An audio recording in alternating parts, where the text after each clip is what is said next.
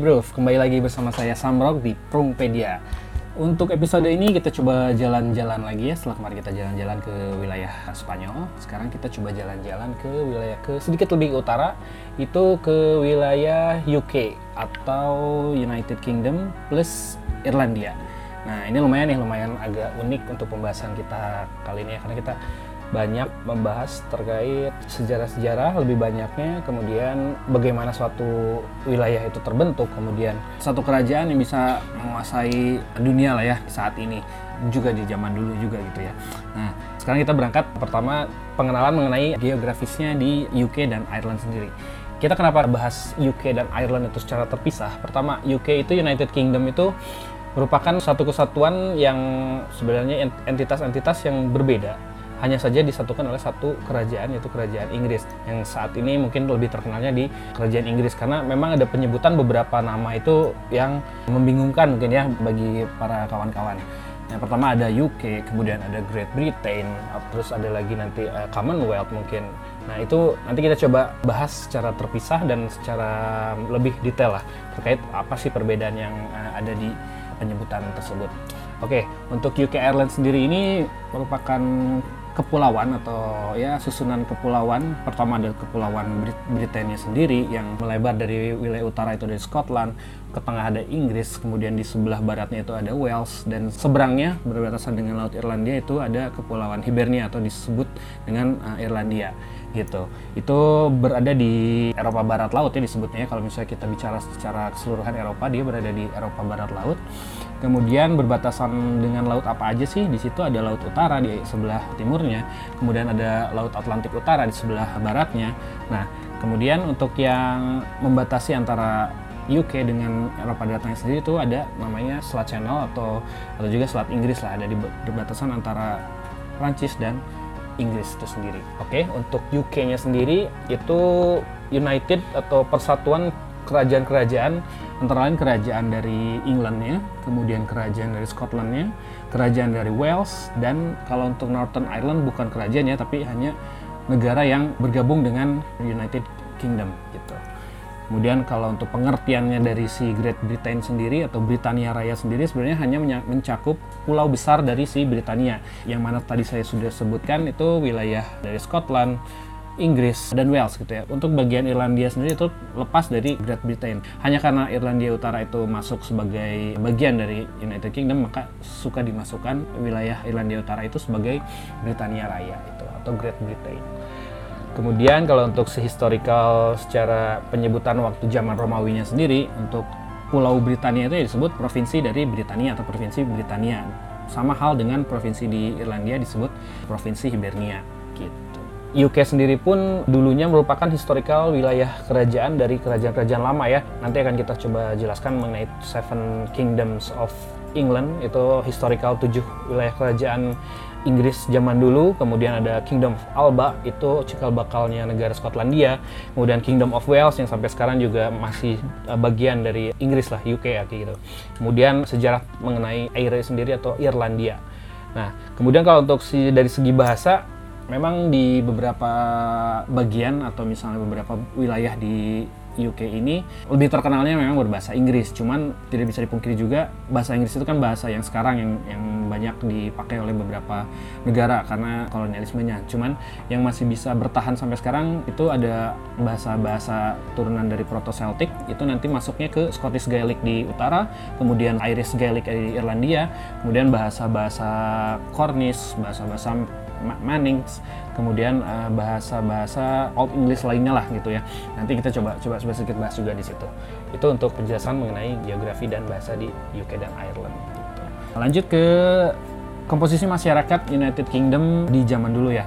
Kita mulai dari sejarahnya kenapa sih orang-orang UK ini berhubungan dengan orang-orang Celts, orang-orang Celt, orang-orang Nah, sebenarnya memang suku-suku disebutnya Celt atau Celts ya orang-orang Celt atau Celts ini memang dulunya itu berdiam diri di wilayah tengah Eropa. Nah mereka ini memang suka menjelajah ke wilayah barat. Itu dia mereka menetap ke wilayah Iberia yang kemarin di Spanyol itu kemudian menyeberang ke atas itu ke wilayah UK dan kemudian ke wilayah Irlandia. Ya makanya kenapa disebut kebudayaan Celt itu nggak hanya milik dari orang-orang Irlandia karena mereka akarnya sendiri memang dari Eropa Tengah gitu. Makanya kenapa kalau misalnya kita menyeberang dikit lah ya ke wilayah Jerman ada klub namanya Fjord Nah, Fjord itu lambangnya pakai air ya karena mereka merasa bagian dari bangsa-bangsa Celt gitu. Jadi tidak tidak tidak hanya dimonopoli oleh orang-orang Irlandia atau orang Scotland di eh, atas.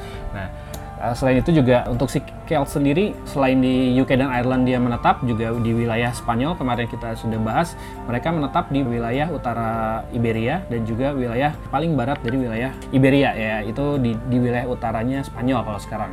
Makanya kalau misalnya kalian tahu juga klub Celta Vigo itu kenapa ada di wilayah utara ya karena dari Celtnya juga orang-orang Celta dari kota Vigo. Nah itu fun fact lah itu.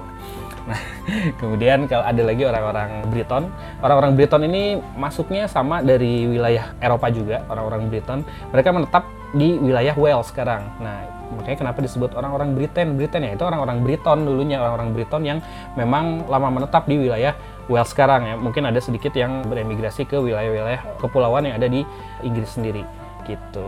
Ada juga orang-orang Wales, Walesnya sendiri berbeda dengan orang Britain, itu orang-orang Simru namanya. Orang-orang Simru itu masih menjunjung tinggi bahasanya lah kalau misalnya kita lihat di beberapa kota di wilayah Wales itu bahasa dan pelafalan atau penulisannya itu orang-orang Wales itu masih pakai alfabet-alfabet dari bahasa Simru. Nah, itu di mana asal bahasanya pun dari wilayah Celts itu, dari orang-orang Celts lah.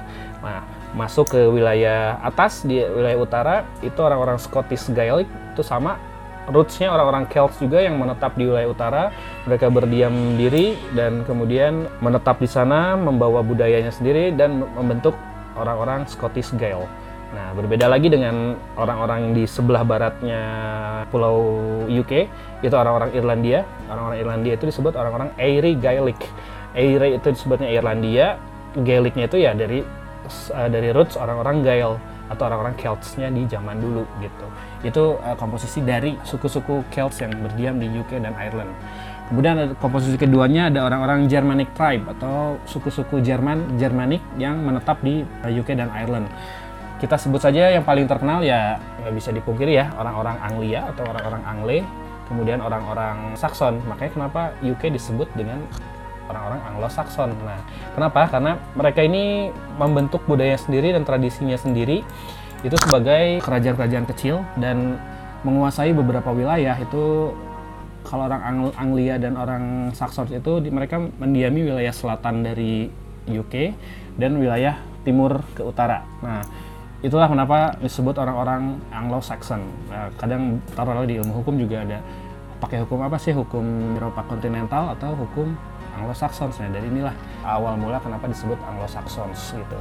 Lanjut suku yang ketiga disebut orang-orang Norman, orang-orang Normandi. Kalau misalnya kawan-kawan suka dengan Perang Dunia Kedua gitu ya, di mana pasukan sekutu turun di pantai di Normandi. Nah itu Normandi itu itu wilayah Prancis Utara yang di mana dulunya melakukan invasi lah ke wilayah UK dari pantai Prancis Utara mereka melakukan invasi ke selatan Inggris nah itu orang-orang Normandia lalu selanjutnya di wilayah utara dan wilayah timur banyak juga orang-orang Norse atau orang-orang Skandinavia lah itu sejarahnya kenapa karena orang-orang Norwegia dulunya itu memang seorang pelaut yang ulung ya siapa yang tidak tahu orang-orang Norseman orang-orang Denmark, Norwegia, terus pelaut-pelaut ulung ya yang kita sering kenal dengan istilah Viking gitu ya. Di mana Viking ini sebenarnya artinya sendiri kan bergerak dengan cepat gitu ya.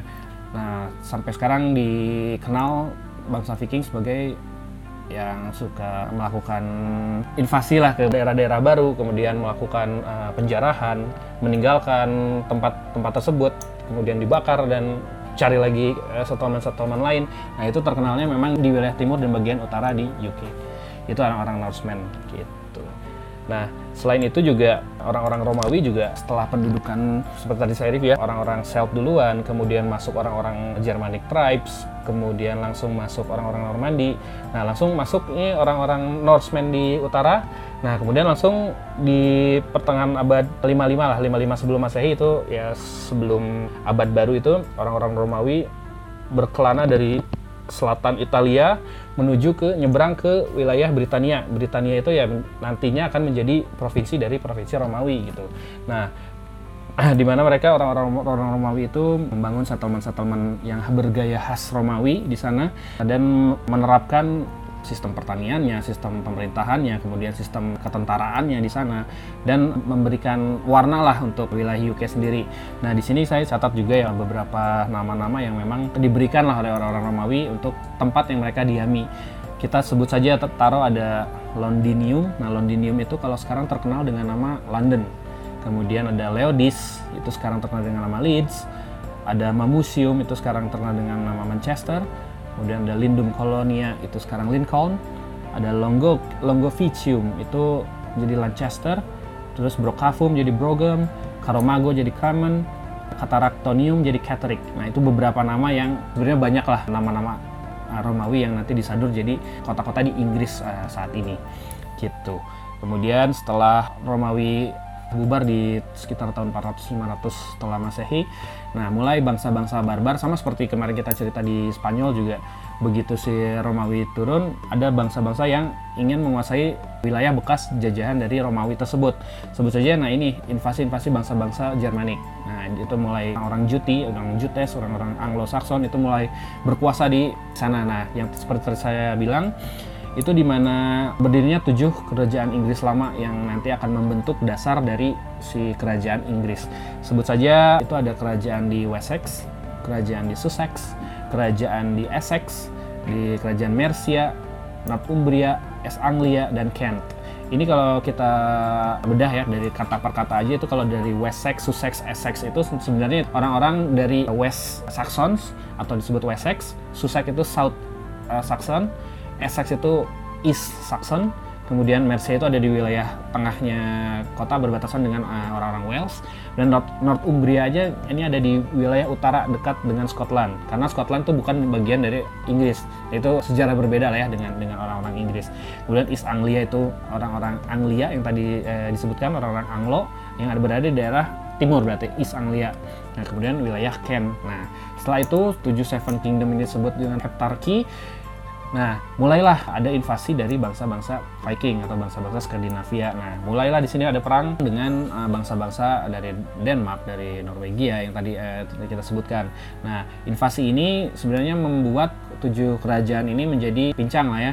Jadi sebut aja sebagian besar wilayah Northumbria, kemudian Mercia, terus Essex, Sussex itu keambil lah, keambil oleh orang-orang Norse tadi, orang-orang Denmark tadi lah. Nah, kenapa? Karena seperti saya tadi bilang orang-orang Viking ini mereka sistemnya itu mengambil atau menjarah kota-kota dan meninggalkan begitu saja. Tapi setelah itu dia uh, mencoba membuat beberapa settlement juga, settlement di beberapa tempat itu dan mencoba merubahnya juga, merubah nama-nama yang ditinggalkan tersebut. Di wilayah Northumbria sendiri ya itu ada kejadian unik nih. Ada kejadian unik itu kalau misalnya teman-teman tahu atau misalnya sekarang sering nonton lah ya Netflix tentang Viking gitu ya.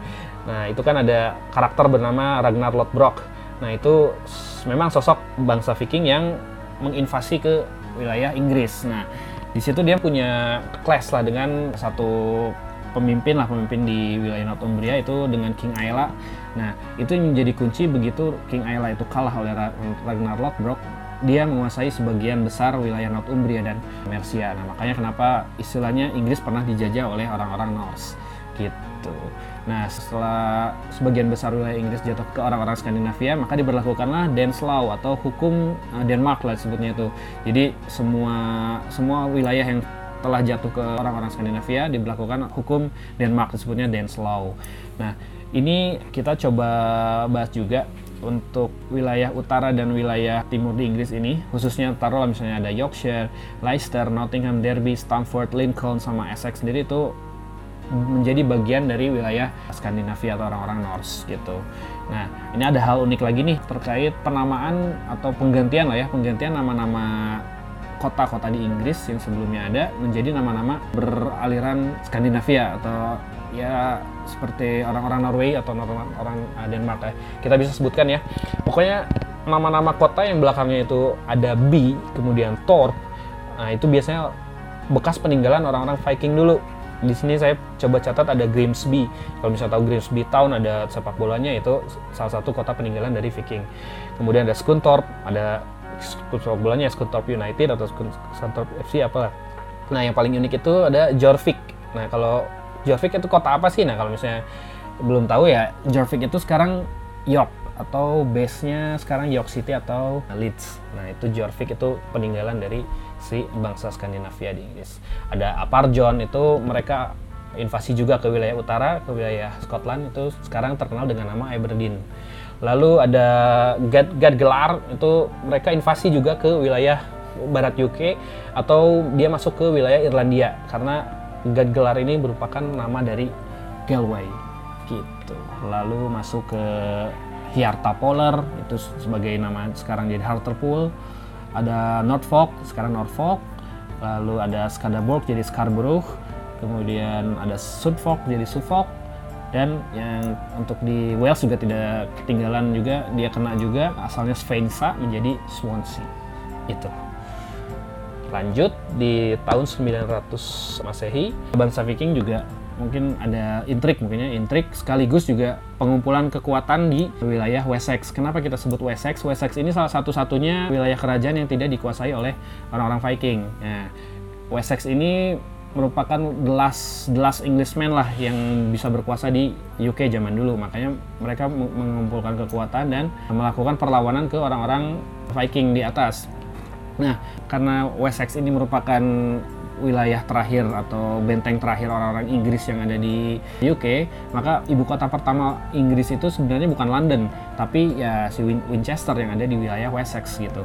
Nah, di mana Wessex ini menggalang menggalang kekuatan untuk melakukan invasi kembali, invasi kembali ke wilayah utara, di mana kita terkenal ada beberapa perang yang menentukan kembalinya atau pengambilan kembali wilayah Inggris dari cengkeraman orang-orang Skandinavia. Ini kita ada terkenal dengan Battle of Stamford Bridge. Pasti nggak asing lah ya kenapa Stamford Bridge, karena sekarang dipakai oleh stadion milik Chelsea. Tapi itu dua dua hal yang berbeda. Di mana Stamford Bridge yang di sini itu berada di kejadiannya itu berada di, di wilayah York, York di atas, dengan Stamford Bridge yang di London sendiri itu ceritanya kalau misalnya kita bisa cerita ke situ itu tuh sebagai plesetan dari Sinfield Bridge yang ada di kota London. Nah itu dua, dua hal yang berbeda. Cuman kalau yang untuk yang mengenai perang Stamford Bridge sendiri ini peperangan antara Edward Confessor nanti bisa dilihat ini gambarnya itu sebagai keturunan dari si Wessex juga bergabung dengan Harold Godwinson melawan rajanya dari Skandinavia sendiri dari Hadrada. Nah, itulah yang mengunci kemenangan orang-orang Inggris berhasil merebut kembali wilayah utara Inggris. Nah, pada saat perang Stafford Bridge sendiri di, di utara sendiri, sebenarnya wilayah selatan ini kan nggak ada nggak nggak ada yang berkuasa di situ ya. Nah, di situlah mulai masuknya orang-orang Normandia ke wilayah selatan. Nah, jadi istilahnya itu semacam mencuri wilayah yang sedang ditinggalkan berperang lah ya. Itu dilakukan oleh William from Normandy atau lebih dikenal sebagai William the Bastard atau William of Conqueror. Itu orang Normandy yang melakukan invasi Inggris dari Prancis Utara ke wilayah selatan Inggris gitu. Nah untuk si perang yang terkenal antara orang-orang Inggris dan orang-orang Normandy itu dikenal dengan Battle of Hastings, di mana orang-orang Normandy itu menang menang melawan orang-orang yang tadi yang orang-orang Wessex itu sehingga William of Conqueror menjadi raja Inggris. Gitu. Oke eh, lanjut ke tahun 1070 Masehi ini ada aliansi dengan Scott. Ini aliansi dengan Scott ini sebenarnya lebih ke usaha orang-orang Inggris untuk menguasai orang-orang Skotlandia di utara. Kenapa? Karena sebenarnya si Skotlandia ini unik ya. Mereka dibilang kerajaan yang mandiri, kerajaan mandiri dan memiliki hubungan dengan kerajaan-kerajaan lain di luar Inggris. Nah, untuk si aliansi mereka itu sebenarnya bukan dengan Inggris, mereka melakukan aliansi dengan orang-orang Prancis, makanya disebut dulu disebutnya sebagai Old Alliance atau aliansi tua. Karena saking lamanya mereka melakukan persahabatan pertemanan dengan raja dari Prancis. Nah, makanya kenapa begitu orang-orang Inggris ingin melakukan invasi ke utara, mereka melakukan perlawanan lah dan meminta bantuan dari orang-orang Prancis gitu. Nah, itulah yang mengakibatkan kenapa orang-orang Inggris dan orang Prancis itu kadang nggak akur ya nggak akur tuh ya dari segi culture budaya itu mereka kadang suka nggak nggak terlalu suka lah satu sama lain gitu ya nah itu ada hubungannya juga mungkin dengan si Old Alliance antara si Scots dengan Prancis dan usaha invasi dari Inggris dan penguasaan orang-orang Prancis yang pernah menguasai Inggris selama beberapa abad di UK gitu. Kemudian ada juga cerita di tahun loncat kita ke 1200-an ya, 1200-an itu terkait First Baron War atau perang Baron pertama. Nah, perang perang ini di mana perang Prancis dengan King Richard.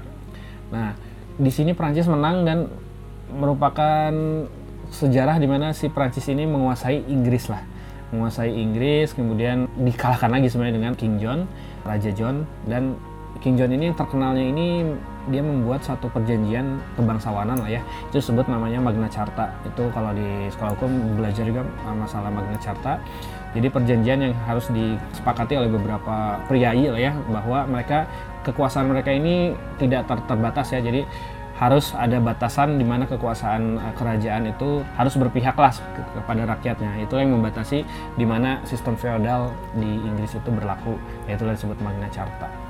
Gitu.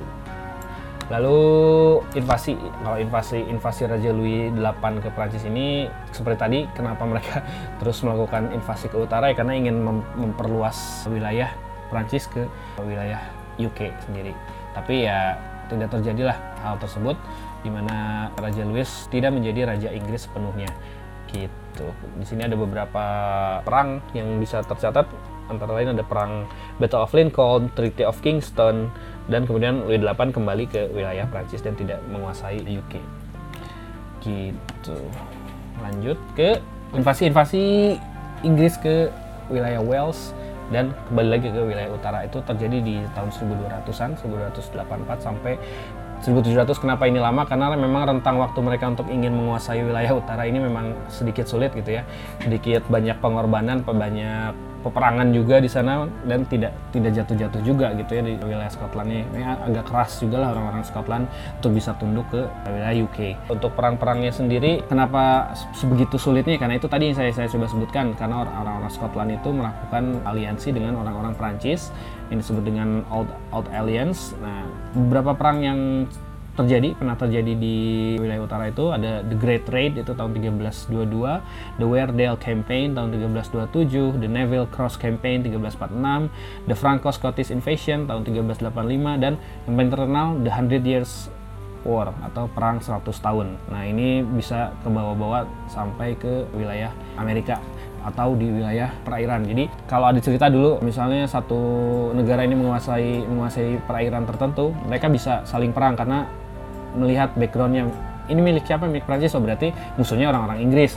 Ini milik siapa? Milik Spanyol. Nah, ini milik siapa? Portugal. Nah itu perang waktu zaman di perairan itu sangat berhubungan dengan Hundred Years War. Gitu. lanjut ke kejadian di yang paling terkenal di sejarah Inggris. Mungkin teman-teman juga udah pada tahu ya terkait Battle of Roses atau Wars of Roses perang perang mawar lah disebutnya ya di mana ada perseteruan antara dua keluarga saling mengklaim lah saling mengklaim siapa yang paling berhak untuk menguasai Inggris. Di sini kita punya ada House of Lancaster dipimpin oleh Henry VI, kemudian ada dari House of York itu dipimpin oleh Edward keempat mereka melakukan perang selama kurang lebih eh, 30 tahun lah ya siapa yang berkuasa dan dibantu oleh Henry VII of Tudor. Nah, di peperangan ini ternyata yang mengalahkan itu adalah Henry VII of Tudor untuk mengalahkan Richard III dari si House of York.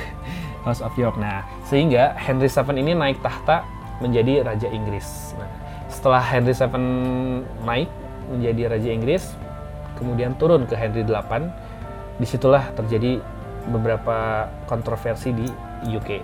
Pertama, Henry VIII itu dia memiliki istri dari Aragon atau namanya kayak kemarin kita bahas namanya Catherine Aragon di mana dua orang dua ini antara Henry dan Catherine ini merupakan Katolik dan Henry ini berkeinginan untuk menambah istri lah ya menambah istri bernama Anna Boleyn kalau di ininya Anna Boleyn nah karena di pihak gereja ini tidak tidak menyetujui adanya perceraian dan pernikahan dua lah ya antara anak Katolik. Nah, Henry Henry VIII ini berinisiasi atau berkonspirasi lah dengan uskup-uskup di Inggris di mana daripada saya tidak bisa menikahi Anne Boleyn mendingan kegerejaan Inggris itu lepas dari kegerejaan Romawi atau yang, yang waktu itu dipimpin oleh Paus gitu. Jadi semenjak saat itu kegerejaan Inggris atau Church of England dengan Church of Katolik itu terpisah atas keinginan dari Henry VIII. Nah itu salah satu hal yang sangat unik ya kenapa UK sendiri punya gereja sendiri bernama ya Anglican Church itu sendiri gitu. Nah, selain itu juga perang Mawar atau Wars of Roses ini juga menjadi cikal bakal nantinya derby antara Manchester United dengan Leeds United gitu. Di mana ada Red Roses of Lancashire dan White Rose of York. Gitu. Oke, lanjut ke tahun 1700-an. Nah, tahun 1700-an ini baru mulai nih Scotland mulai sedikit taluk lah dengan orang-orang Inggris. Di mana itu ada Treaty of Union atau Acts of Union di mana itu ada penyatuan mulai penyatuan Kingdom of England, Kingdom of Wales, Kingdom of Scotland menjadi satu namanya Great Britain yaitu disebut Treaty of Union di tahun 1706. Nah, berselang 80 tahun kemudian di tahun 1783 itu ada juga Irish Appeals Act di mana wilayah Great Britain ini dia ingin memasukkan juga Irlandia ke wilayah si UK. Nah, di situlah mulai tumbuh benih-benih kebencian orang-orang Irlandia terhadap orang-orang UK. Lanjut ke 1801, 20 tahun setelah itu ada Acts of Union, itu pembentukan United Kingdom of Great Britain and Kingdom of Ireland. Nah, di sini merasa diklaim nih bahwa si Kingdom of Ireland masuk sebagai bagian dari United Kingdom of Great Britain and Kingdom of Ireland. Selang beberapa tahun ada peperangan di era Napoleon, Inggris juga ya dengan Prancis berseteru Napoleonic Wars juga terjadi pada rentang waktu tersebut. Gitu. Oke, lanjut ke Victorian era atau era di mana kerajaan Inggris dipimpin oleh Queen Victoria itu dalam rentang waktu dari 1837 sampai 1901 di mana dia merupakan pewaris dari House of Hanover dan disebut juga sebagai Grandmother of Europe. Kenapa disebut Grandmother of Europe? Karena dari keturunan-keturunannya lah beberapa negara Eropa itu dipimpin oleh beberapa keturunannya maksudnya itu seperti itu. Yang pertama kita bisa sebut ya, pertama ada Prince Victoria atau sekarang disebut German Empress of Victoria itu merupakan istri dari King Frederick dari Jerman atau Prusia. Kemudian ada Edward ketujuh itu ya, ya nanti sebagai penggantinya dia atau King of UK. Kemudian ada George V itu cucu cucu dari Queen Victoria.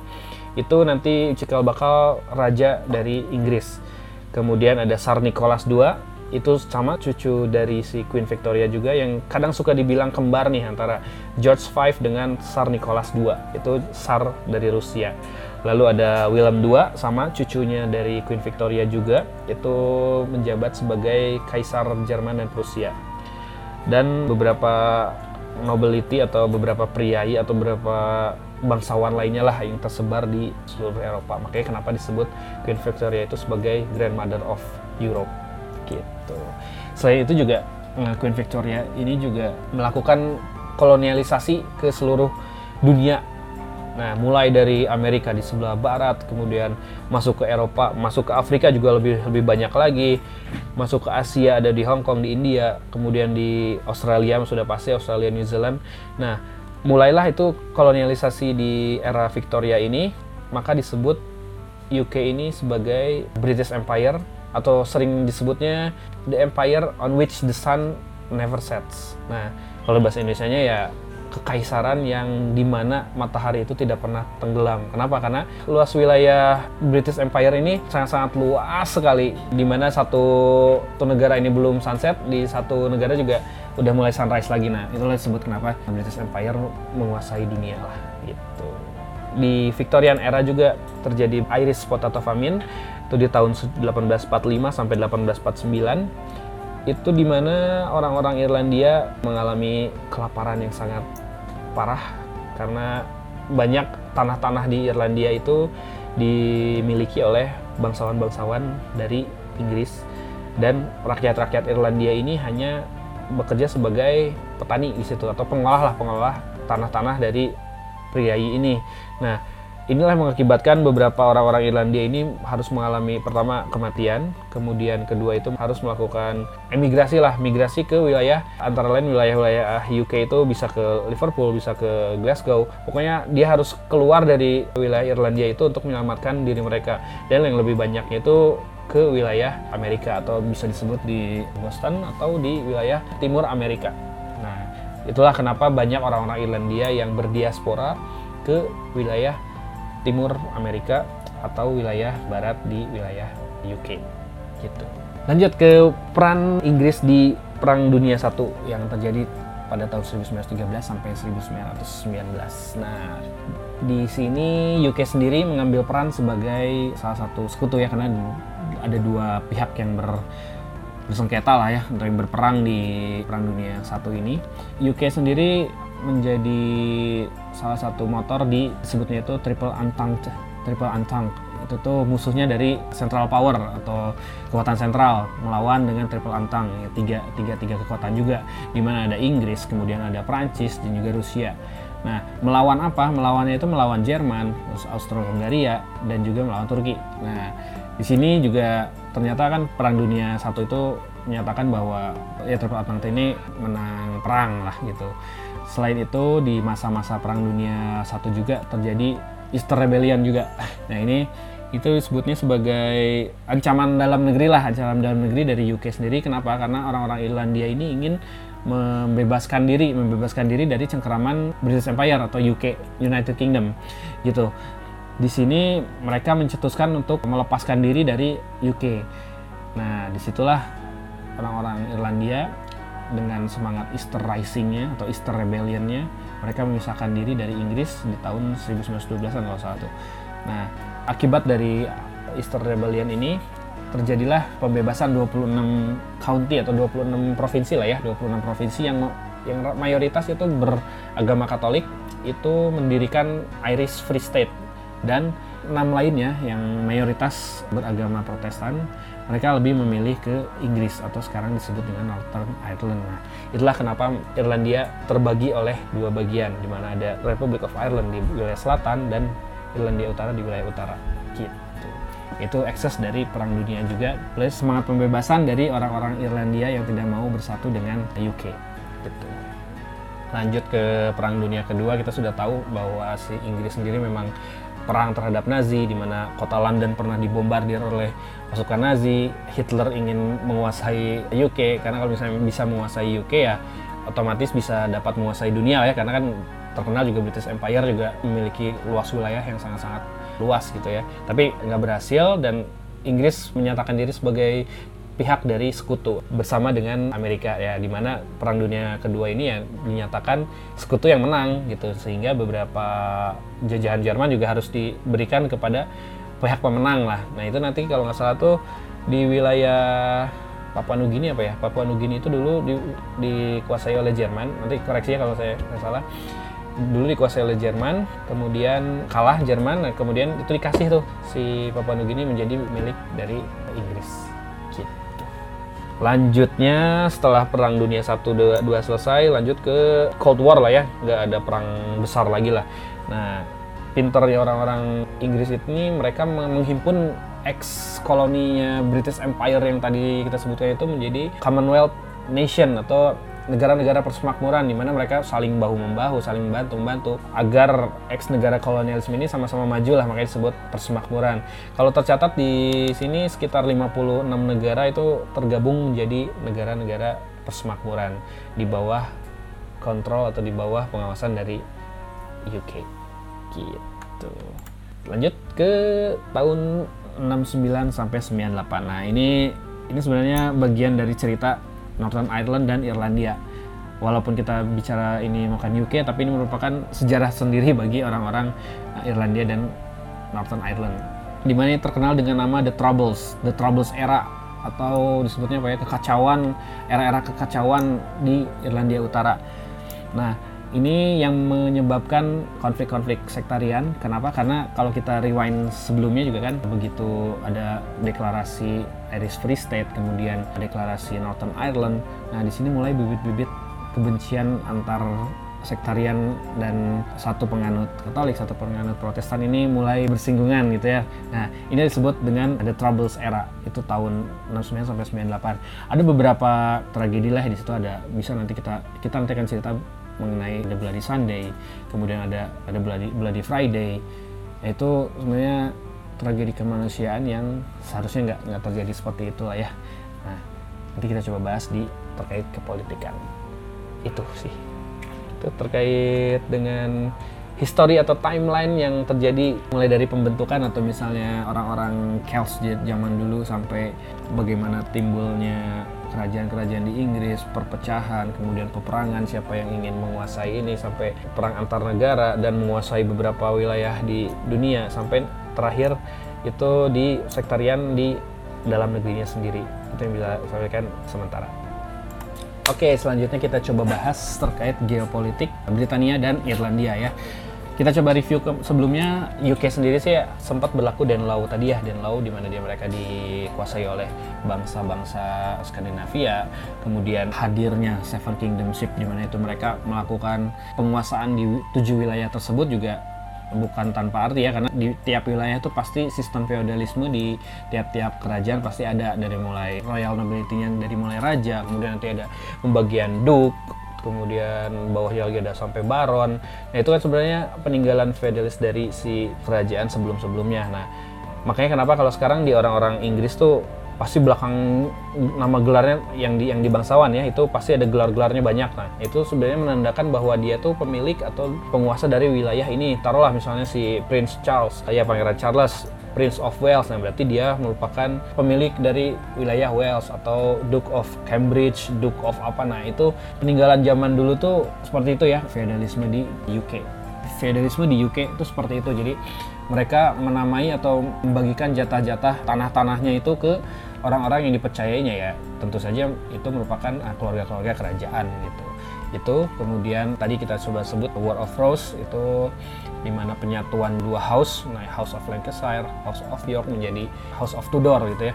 Di mana kalau misalnya kita penyimbolannya saya pernah sempat bahas di mana House of York itu adalah dilambangkan oleh melati atau bunga bunga berwarna putih atau bunga mawar berwarna putih dan House of Lancashire itu bunga mawar berwarna merah kemudian yang menang justru Tudor di mana Tudor itu dilambangkan dengan mawar merah di tengahnya ada mawar putih itu sebagai simbol persatuan mereka mungkin ya gitu.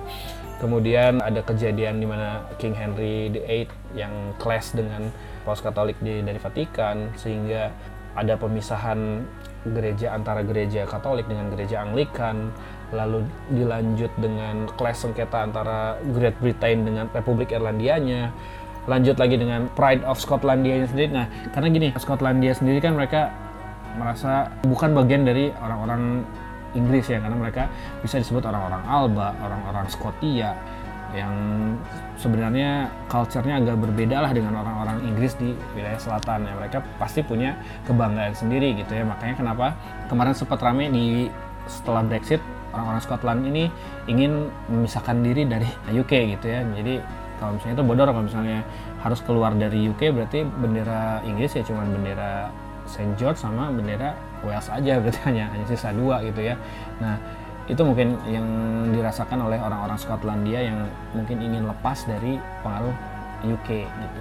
Selain itu ada Pride of Ireland ini jelas Pride of Ireland itu sampai sekarang dari mulai masa tadi The Trouble sampai nanti dibawa ke masa ya teror lah teror-teror di wilayah Irlandia Utara mereka merasa bukan bagian dari UK dan mereka ingin mereka adalah orang-orang Gaelic yang punya budaya sendiri, punya pemerintahan sendiri, tidak pernah terjajah oleh orang-orang UK.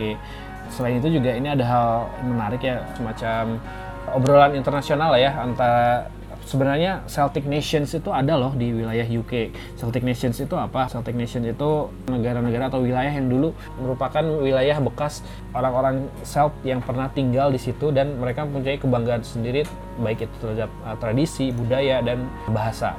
Kita bisa sebut ya beberapa wilayah pertama orang-orang Britani, orang-orang Britania atau orang-orang Braze itu mereka punya bahasa sendiri, bahasa Brittonic.